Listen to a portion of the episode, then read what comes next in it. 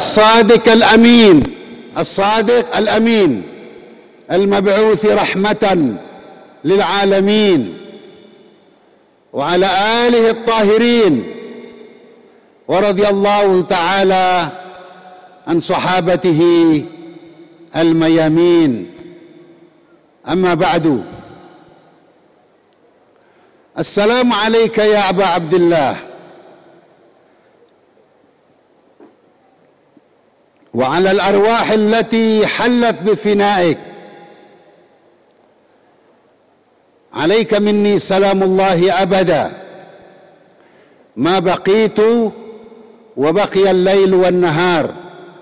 ولا جعله الله آخر العهد مني لزيارتكم. السلام على الحسين. mari sama-sama Assalamu ala al-Husain ala Ali ibn al وعلى أولاد الحسين وعلى أصحاب ال... ما شاء الله ما شاء الله kita salam kepada Rasulullah Assalamualaikum ya Rasulullah mari sama-sama. Assalamualaikum ya Rasulullah lagi. Assalamu alayka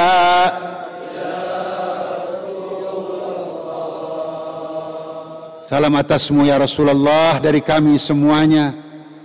Ahsanallahu lakal aza fi waladikal Husain. Kami turut berduka cita ya Rasulullah Atas gugurnya syahidnya putra engkau Imam Hussein Amirul Mukminin mari sama-sama. Assalamu alayka ya Amirul Mukminin Assalamu alayka ya Amirul Salam dari kami semua ya Amirul Mukminin kami semua turut berduka cita atas gugurnya syahidnya putra engkau Imam Hussein alaihi salam. Pada Sayyidah Fatimah Az-Zahra Sayyidatan Nisa'il Alamin mari sama-sama. Assalamu alayki ya Sayyidata Nisa'il Alamin Assalamu alayki يا سيدة نساء Ya Zahra Salam dari kami semuanya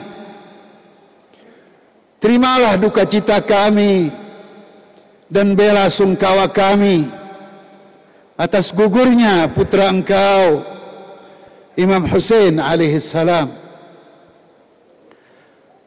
Aba Muhammadin al-Imam al-Hasan al-Mujtabah السلام عليك يا أبا محمد الإمام المجتبى.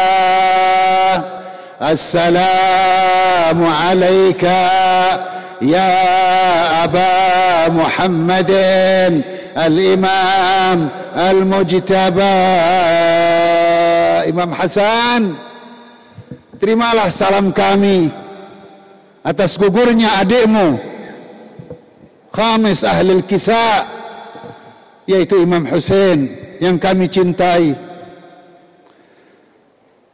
Tentu juga duka cita kita sampaikan kepada para ulama kita yang paling tiap hari dari hari ke hari terus menerus berfikir agar pelajaran-pelajaran unggul. Kelas langit. Durus aliyah. Dipikirkan oleh para ulama kita. Terutama Imam Khomeini rahmatullah taala alaih yang telah meninggal dunia. Dan juga Sayyid Al-Qaid Al-Imam Ali Al-Khamenei hafizahullah yang selalu berfikir bagaimana majlis-majlis seperti ini supaya dihidupkan khususnya bulan Muharram dan umumnya bulan kapapun kapan pun. Dan juga kita sampaikan duka cita kepada seluruh mustad'afin. Mustad'afin baik muslimin maupun mustad'afin teman-teman kita yang lain yang mudah-mudahan kemenangan mereka tak lama lagi. Amin ayuhal asatidah al-muhtaramun teman-teman seperjuangan Bapak, ibu-ibu, orang-orang tua yang sangat saya hormati, serta anak-anak muda semua yang membanggakan. Assalamualaikum warahmatullahi wabarakatuh. Bapak, ibu-ibu, Alhamdulillah kita masih dikasih umur di Muharram 1441 ini. Dengan umur ini kita mau pakai untuk apa? Kita tidak tahu berapa kali lagi Muharram ke depan. Barangkali ini Muharram yang terakhir wallahu a'lam. Umur ini kita akan gunakan untuk mempersiapkan diri sebaik-baiknya. Persiapkan diri. Karena perintah Allah tidak boleh kita lakukan, kita sikapi, kita respon dengan alon-alon asal kelakon. Santai-santai. Harus cepat. Karena ayatnya minta agar kita wasari'u, wasari'u, wasari'u ila. Cepat. Untuk berbuat baik, minta ampun atas kekurangan kita dan lain-lain. Masa lalu dosa, pelanggaran, kekurangan di hadapan Allah, di hadapan Rasulullah. Dan juga kita akan gunakan umur ini untuk memperbaiki kekurangan kita di masa yang lalu dan mempersiapkan dia di masa yang akan datang. Kaum muslimin di negeri kita waktu berdiri itu Maulid Nabi Ada ucapan kita hafal semuanya. Marhaban marhaban ya nura aini. Marhaban marhaban jaddal. Sayang seribu sayang. Banyak yang kurang paham. Marhaban itu artinya bukan sekedar selamat datang. Marhaban adalah kesiapan. Apalagi sambil kita berdiri artinya siap ya Rasulullah. Siap ya Amir al-Mu'minin Siap ya Imam Hussein Siap apa? Siap menyambut Imam Zaman Salawat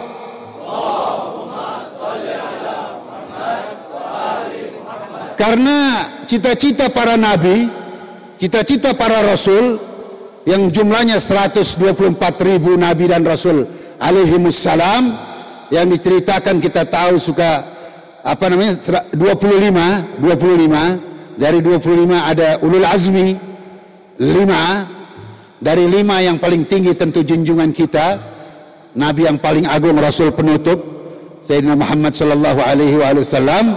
Allahumma salli ala Muhammad wa ali Muhammad. Nah ini perjalanan mesti kita siapkan marhaban ya nur aini marhaban wahai buah hati mata hatiku, buah hatiku, biji mataku, mataku. Mata kalau mau kelilipan sedikit atau kecolok sedikit, itu cepat sekali mata kita kita mengelak supaya jangan kena mata. Ajaran Islam harus dibayar dengan mahal. Apalagi kita minta dalam berdiri marhabanan itu marhaban marhaban. Ya nurail marhaban rabbi ballighna bijahih marhaban fi jiwarih khaira mag'ad. Minta tempat paling bagus di samping Rasulullah. Nah tiket apa yang mesti kita bawa? Mau di samping Rasulullah ini bukan alam dunia kalau dunia orang bisa para pendosa Orang yang kurang ini kurang itu asal punya fulus dia bisa duduk di VIP. tempat yang paling keren, paling dianggap bergengsi. Wah dianggap duduk dekat pejabat tinggi. Modalnya hanya karena dia pejabat tinggi atau punya uang banyak seperti itu. Tapi orang yang ingin bersama Rasulullah di akhirat, di barzah sampai ke akhirat, maka dia harus paham apa yang mesti dia lakukan di dunia ini. Nah, karena itu kita harus mulai dengan apa? Kita harus mulai tahu, memulai dengan mengetahui bahwa ajaran agama itu adalah menjadi pikiran utama yang ada di kepala para nabi, para beliau yang suci itu, hati beliau yang suci itu, pikiran utamanya hanyalah bagaimana menyelamatkan agama. Apa yang disebut dengan daruriyat ad-din, ya yang utama apa sih para nabi diutus untuk apa? Untuk menjaga apa? Menjaga tauhid. Menjaga agama. Menjaga jiwa. Hifdhu ad-din, hifdhu al-aqal, hifdhu an-nafas, hifdhu an-nasl, hifdhu al-mal. Harus dijaga ini. Para nabi bekerja siang malam.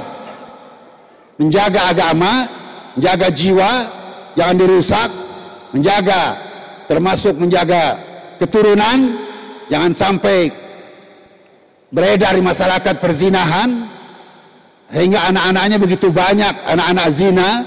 Anak zina tidak salah apa-apa.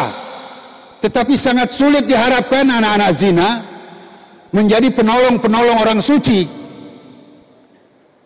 karena itu mereka berpikir keras agar jangan sampai terjadi penyelewengan agama yang dilakukan oleh dalam setiap kurun sejarah para penguasa, pengacara dan pengusaha-pengusaha yang jahat. Kerjasama mereka, kolaborasi mereka sering kali mengganggu orang-orang suci melawan agenda orang suci agenda langit karena itu diperlukan hunaka man yusahih al-masirah.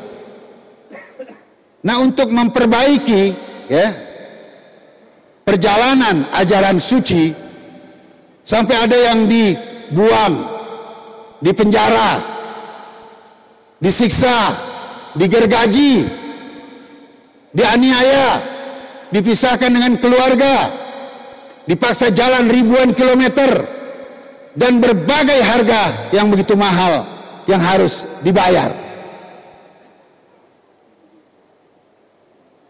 Nah karena itu Abu Abdullah Al-Husain yang sepuluh malam berturut-turut madrasah Ashura madrasah Ihya zikir zikra al-Imam Al-Husain alaihissalam kita berupaya menggali ini apa sih yang dilakukan oleh Imam Husain Imam Hussein dari pertama start sudah mengumumkan kepada dunia. Padahal yang dengar waktu itu hanya beberapa orang. Tapi sekarang mendunia, Allah yang bikin. Itu ucapan Imam Hussein dari generasi ke generasi didengar. Al-ghaib. Generasi pertama mengabarkan kepada generasi anaknya, cucunya dan selanjutnya. Yang dengar menyampaikan secara estafet kepada yang tidak dengar sampai sudah 1300 lebih kita dengar sekarang. Apa yang Imam Husain katakan? Ala tarawna anna al-haq la yu'mal bihi wal batil la yutanaha anhu. Apa kalian tidak melihat? Artinya apa? Orang yang punya, yang mau lihat, yang mau berpikir pasti akan lihat. Saking banyaknya orang yang tidak lihat, yang tidak mau melihat, tidak mau mendengar, santai, bersikap masa bodoh, acuh tak acuh, sebagaimana kebanyakan manusia di seluruh kurun sejarah, termasuk di zaman Imam Hussein, 50 tahun, hanya 50 tahun setelah wafatnya kanjeng Nabi Sallallahu Alaihi Wasallam. Imam Hussein mengatakan, Ala tarawna anna al-haqqa la yu'mal bihi wal batil la yutanaha anhu. Apa kalian tidak melihat kebenaran sudah tidak diamalkan lagi? Kalau berbicara tentang kebenaran, saudaraku, kebenaran apa sih? Apa nomor satu kebenaran? Kebenaran nomor satu adalah ma'rifatullah. Kenal Allah. Rindu Allah. Takut Allah. Mengharap Allah. Bersandar pada Allah. Semua energi mesti diarahkan ke sini mestinya. Agar masyarakat, anggota masyarakat, semuanya merindukan Allah, takut Allah, cinta Allah, mahabbah Allah, khauf Allah, raja Allah subhanahu wa ta'ala. Tapi penguasa jahat, kata Ahmadinejad, presiden pemberani beberapa waktu yang lalu, yang diterjemahkan ke dalam bahasa Arab, inna mushkilatal mujtama mundu bidayatit tarikh tatamathal fil hukumah al-zalimah. Bahwa problem masyarakat, masyarakat mana pun, Asia Tenggara atau Timur Tengah, masyarakat benua hitam Afrika, Eropa atau Amerika, barat atau timur, utara atau selatan, sama saja bahwa problemnya sering kali disebabkan karena ada penguasa yang zalim dan tidak dilawan. Contoh negeri kita Indonesia. Kenapa kita sampai 350 tahun dijajah? Bukan tidak ada pahlawan. Ada pahlawan, tapi masyarakat tidur. Di Sumatera ada pahlawan, di Jawa ada pahlawan, di tanah Pasundan ada pahlawan, di Betawi ada pahlawan. Sulawesi, Kalimantan, di Maluku, di Madura dan di mana-mana di pelosok negeri kita ada orang pemberani, ada orang yang berpikiran waras, ada orang yang ingin yusahih al-masirah, ingin mengoreksi perjalanan umat manusia ini biar supaya tahu dirinya pada langit kembali, kembali kepada rel yang benar, kembali kepada jalan yang ditunjuki para nabi, tidak benar kalian diam terhadap penjajah Belanda. Tidak benar kalian diam saja, tenang-tenang saja, tidur-tidur saja, hanya tertawa-tertawa bersama keluarga. Padahal kita lagi dirampok kekayaan kita. Dari mulai cengkeh sampai intan berlian permata dan lain-lain. Tapi respon masyarakat selalu kecil, sedikit saja. Sehingga akhirnya berlangsung 50 tahun, 100 tahun, 200 tahun, baru pada tahun 1900 berdirilah Jamiatul Khair, berdirilah Syarikat Dagang Islam, berdirilah Muhammadiyah, berdiri NU, berdiri yang lain-lain lagi, baru mukawamah agak jumlahnya cukup banyak sehingga lahirlah apa yang disebut dengan hari kemerdekaan kita 74 tahun yang lalu. Kapan itu terjadi? Setelah kita dijajah 350 tahun. Mengapa manusia selalu seperti ini? Imam Hussein sudah yukhatibuhum. Kalian kan kenal siapa saya? Kenalkah kalian kepada saya siapa? Semua menjawab, anta Hussein bin Ali bin Abi Talib. Kalian kenal siapa kakek saya? Kakekmu Rasulullah, Nabi terakhir, Rasul paling agung. Rasul penutup, khatamun nabiyyin, sayyidul mursalin. Abah saya siapa? Abahmu adalah Ali bin Abi Talib. Pahlawan tak tertandingi. Kita bisa membaca sejarah Badar Uhud Khandak Khaybar Hunain dan lain-lain perang. Bahwa yang paling tampil paling depan adalah Ali bin Abi Talib. Dalam musaraah perang tanding satu lawan satu Ali bin Abi Talib. Di saat banyak yang lari kabur Imam Ali menjaga tubuh Rasulullah membentengi Rasulullah terutama dalam perang Uhud dalam perang Hunain dan lain-lain. Kalian tahu siapa ibunda saya? Ibumu adalah Sayyidatul Nisail Alamin. Wanita paling suci sepanjang zaman. Kalian tahu siapa kakak saya? Abangmu adalah Sayyid Syabab Ahlil Jannah yang syahid 10 tahun yang lalu. Karena pertanyaan Imam Hussein pada tahun 60. Imam Hasan syahid tahun 50. Kami tahu siapa engkau. Imam Hussein lahir di Madinah, besar di Madinah, terdidik oleh kakeknya Rasulullah, oleh abahnya, oleh ibunya di Madinah. Lalu Imam Hussein mengatakan, sekarang saya ingin katakan kepada kalian bahwa saya dan kalian semua terancam. Bahwa apa yang pernah menimpa Injil terjadi penyelewengan, terjadi tafsir liar, sekarang mulai terjadi. Apa yang menimpa Taurat, menimpa Injil terjadi, sehingga terjadi kesesatan pada pengikut Taurat dan Injil. Sekarang terjadi pada pengikut Al-Quran. Baitul Mal dirampok dan dikorupsi. Cucunya Abu Sofyan mabuk tiap hari, main dengan kera, merampok harta rakyat, menyelewengkan ajaran suci, memelihara juru tafsir yang liar di jalanan, menangkap para pengikut dan sahabat Nabi yang setia yang betul-betul baik. Kondisi betul-betul berbahaya untuk agama. Agama kembali. Hifzuddin menjaga agama nomor satu.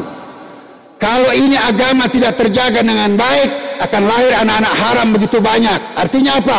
Hifzun nasal akan terganggu. Menjaga keturunan akan cacat, akan terancam, akan berbahaya. Bisa lahir di Madinah anak-anak haram, bisa lahir di tanah suci Mekah dan Madinah anak-anak yang betul-betul perbuatan dosa. Ayah ibunya, anaknya bisa ikut terdampak.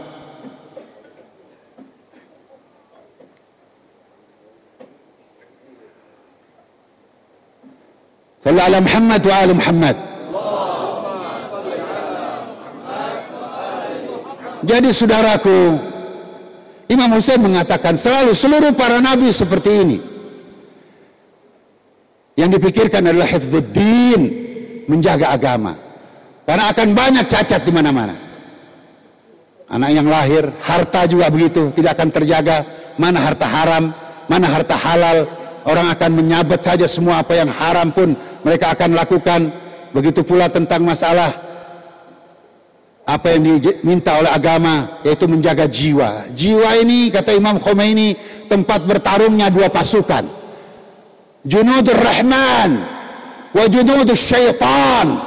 Kalau agama tidak terjaga di bawah raja yang jahat ini Yazid, cucunya Abu Sufyan, maka hati rakyat akan terancam di mana boleh jadi sebagian rakyat di hati mereka, di jiwa mereka yang akan menang adalah bala tentara syaitan bukan bala tentara Rahman sehingga peta yang ada di masyarakat makin lama kebatilan makin meluas sementara al-haq makin kurang makin kurang. Kebatilan akan mendominasi. Sementara al-haq makin terpinggir dan marginal. Nah dalam kondisi seperti ini harus ada yang maju. Siapa yang harus maju? Bukan orang awam ditertawakan sama raja sama orang zalim. Yang harus paling maju bukan orang-orang sederhana bukan orang-orang lugu. Yang paling yang harus maju adalah ahammu syakhsiyah. Pribadi paling agung. Dan pribadi paling agung zaman itu siapa lagi kalau bukan khamis ahlul kisah? Ahlul kisah yang kelima Abu Abdullah al-Husain alaihissalam ala tarawna anna al-haq la yu'mal bihi wal batil la yutanaha anhu. Liyarghab al-mu'min. في لقاء الله محقا إني لا أرى الموت إلا سعادة ولا الحياة مع الظالمين إلا برمة Inilah Hussein bin Ali bin Abi Talib Guru paling agung Darahnya terus berbicara Cahaya yang ditanam Orang jahat berupaya untuk menebar kegelapan di atas cahaya ini dengan harapan penduduk bumi tidak melihat cahaya Imam Hussein, pergerakan Imam Hussein, pengorbanan Imam Hussein, langkah-langkah Imam Hussein, agenda suci Imam Hussein supaya tertutup dengan lebaran anak yatim, dengan uh, begitu masif puasa hari sembilan, hari sepuluh, tidak sekalipun menyebut Abi Abdullah dengan uh, apa namanya cerita-cerita yang intinya mengaburkan tentang peristiwa agung tanggal 10 Muharram. Tapi Allah menghendaki lain. Allah menghendaki lain, terutama 40 tahun belakangan ini. 40 tahun belakangan ini setelah datang seorang anak manusia yang bekerja seras tiap malam nangis pada Allah sujud ruku minta pada Allah membina hubungan sedemikian dengan Allah. Namanya Sayyid Ruhullah bin Mustafa Al-Khumaini Al-Musawi rahmatullah taala alaih. Beliau minta selama puluhan tahun dengan Allah, siang berjuang, malam minta sama Allah, siang berjuang. Selama puluhan tahun. Dan akhirnya Allah kasih bukan lagi pesantren, bukan lagi majelis talim, tapi sebuah negara yang sangat indah, sebuah negara yang dipimpin oleh orang-orang soleh, sebuah negara yang pimpinan tertingginya meja meja belajarnya adalah meja meja belajar yang butut. Ta'riful butut? Kalian tahu itu saya gunakan sengaja kalimatnya. Pimpinan tertingginya perpustakaannya karpetnya sudah karpet butut. Meja belajarnya, meja belajar yang butut. Sudah lama. Hanya memiliki baju dua atau tiga saja. Tidak tergiur lagi dengan emas, perak, intan, berlian, permata. Negara seperti ini akhirnya berkembang sedemikian rupa. Teknologi tinggi, diboikot tapi maju pertanian, diboikot tapi maju ilmu pengetahuan, sains dan teknologi luar biasa. Sallu ala Muhammad wa ali Muhammad. Dan akhirnya sekarang Ashura Imam Khomeini mengatakan kullu ma ladaina min ashura. Kullu ma ladaina min ashura wa kalau kalian lihat negara kami sekarang bagus indah penguasanya hidup sederhana rakyatnya rajin belajar perempuannya sopan-sopan ya banyak anak mudanya yang siap berjuang di jalan membela bangsa dan negara dan agama. Masya Allah ini negara bagus kata Imam Khomeini sepenuhnya kami capai ini buah daripada kami sering duduk buah daripada memperingati Muharram dan Ashura buah dari memperingati Abu Abdullah Al-Husain buah daripada menegakkan madrasah Ashura dan Karbala seperti itu.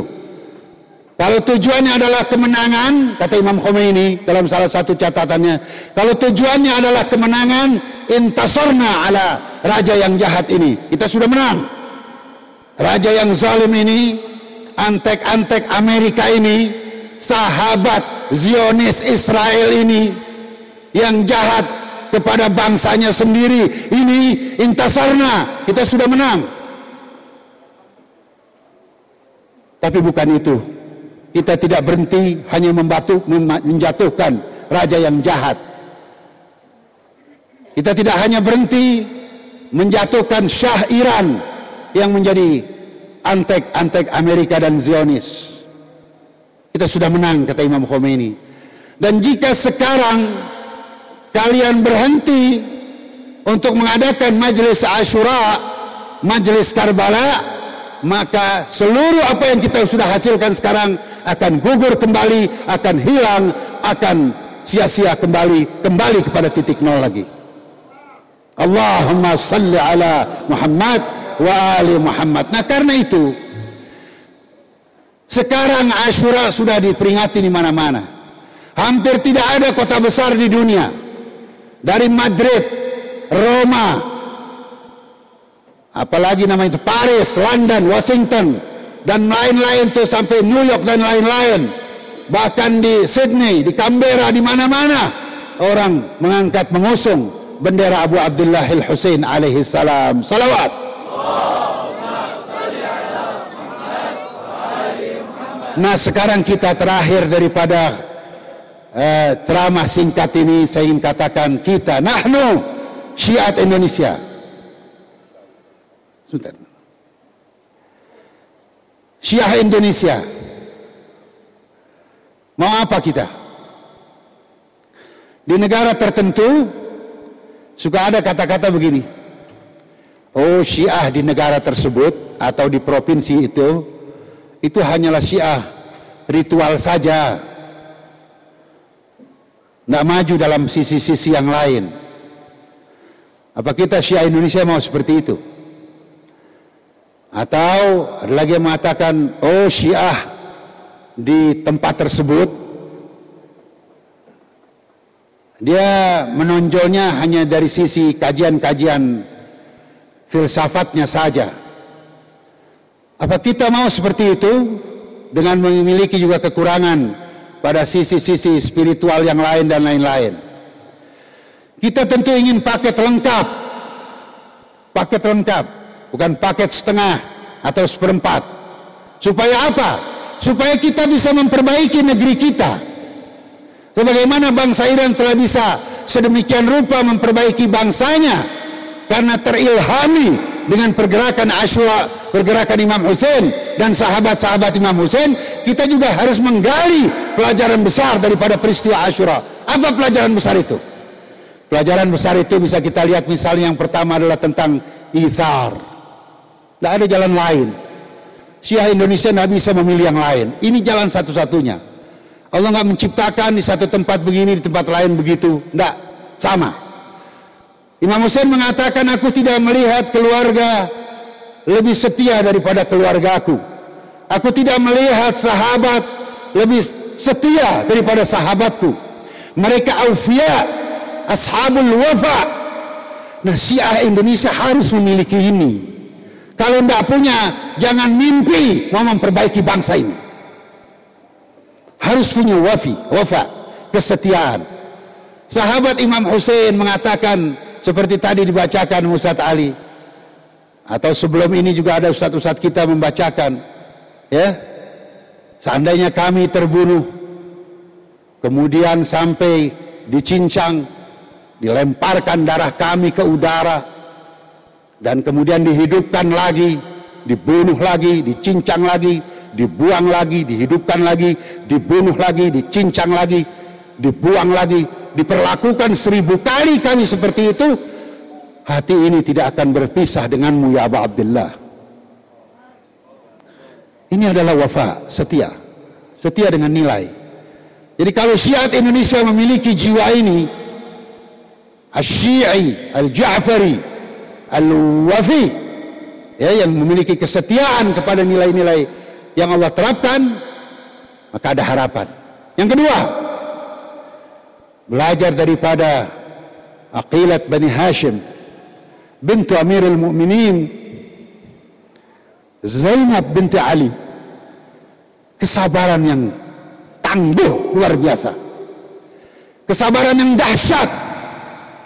Orang yang mau memperbaiki negerinya, bangsanya, kita adalah bangsa besar yang merdeka dengan teriakan Allahu Akbar, yang merdeka dengan fatwa jihad kakeknya Gus Dur, yang merdeka dengan teriakan Bung Tomo Allahu Akbar. Tidak bisa kita kemudian lupakan sejarah itu, digiring pelan-pelan sampai menjadi kita bangsa adalah murid-murid sinetron cengeng dan lagu-lagu nggak karuan. Ini yang diharapkan oleh Yazid zaman sekarang. Supaya bangsa Indonesia menjadi bangsa yang lemah. Kita hanya nyanyi maju tak gentar, maju tak gentar, nggak maju-maju malah mundur. Sekedar nyanyi pada 17 Agustus. Kita hanya menyanyi lagu syukur dari yakin ketuguh hati ikhlasku penuh sampai akhirnya. Meneteskan air mata sedikit tapi kita lupa dengan nilai-nilai. Di sini kita perlu dipompa. Di sini kita perlu dicas kembali. Di sini kita perlu dibangkitkan. Dari mana lagi madrasah yang paling hebat lebih daripada madrasah? Aqilat Bani Hashim binti Amirul Mu'minin As-Sayyidah Zainab binti Ali bin Abi Talib. Kesabaran yang dahsyat luar biasa menghadapi Yazid, ditunjuk Yazid, dibentak Yazid, dilawan Yazid. Di mana? Di rumah tangganya Yazid sendiri. Ya Yazid, kit kaidak, was'a sa'yak, wabzul juhdak wallahi la tamhu dhikrana Yazid bingung melihat keberanian Sayyidah Zainab kalau perempuan-perempuan kita bisa seperti Zainabiyat akan menjadi Zainabiyat maka masa depan Indonesia cerah insyaallah. Tuhan yang Maha Esa akan makan makin bersemi di hati rakyat Indonesia. Adil beradab makin merata di negeri kita. Persatuan negeri ini akan makin bagus. Rakyat akan makin dipimpin oleh orang yang penuh hikmah dan bertindak bijak keadilan untuk rakyat Indonesia keadilan sosial akan makin merata. Tidak seperti sekarang di mana 10 orang Indonesia menguasai 80% aset nasional. Bukan tujuan kemerdekaan kita seperti ini. Karena itu Syiah Indonesia tidak boleh diam. Syiah Indonesia harus punya agenda yang jelas. para tokohnya, para ustadznya, orang-orang tua yang bijaknya harus kumpul empat bulan sekali, harus kumpul setiap semester. Untuk apa? Untuk yusahih masirat kemerdekaan negeri kita. Untuk mengoreksi, mengevaluasi bagaimana perjalanan cita-cita kemerdekaan kita yang dimerdekakan oleh para pahlawan dan para syuhada negeri kita. Ini tidak bisa dilakukan kecuali oleh orang-orang yang setia oleh orang-orang yang betul-betul memiliki komitmen dan mereka yang memiliki kesabaran nafas panjang tahan banting kokoh dalam pergerakan. Tidak cengeng. Orang-orang suci yang dulu memiliki tantangan. Imam Hussein sendiri hanya orang banyak mengucapkan selamat tinggal. Hati-hati ya di jalan. Tidak mau ngikut. Karena takut istrinya jadi janda, anaknya jadi yatim, barang dagangannya nggak ada yang jaga, ternaknya nggak ada yang pelihara, meninggalkan Abu Abdullah al Husain. Mereka memelihara pohon-pohon. Ada sebuah seorang ulama mengatakan mereka pelihara pohon-pohon, dijaga pohon-pohon untuk tidak dipotong sembarangan, dipetik sembarangan, ditebang sembarangan tapi mereka membiarkan leher Abu Abdullah ditebang. Leher Abu Abdullah terpisah dari dari badannya. Masyarakat seperti ini tidak bisa berbicara agenda langit, saudara-saudara yang saya cintai. Sabar Zainab alaihissalam. Wafa Ashabul Husain, kesetiaan para sahabat Imam Husain seperti Habib bin Mazahir dan lain-lain. Dan kita yang terakhir saya ingin katakan adalah kita harus memiliki ithar. Sebuah masyarakat yang tidak memiliki ithar sulit membela agenda Abu Abdullah. Apa arti ithar? Ithar artinya mengutamakan yang lain daripada diri sendiri. Orang-orang kalau membaca ayat-ayat ini tahu bahwa itu adalah Imam Hussein ada di situ.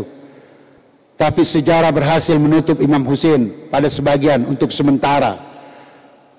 Para penulis-penulis yang bisa dibeli oleh raja yang jahat berhasil memang, tapi bukan untuk selamanya.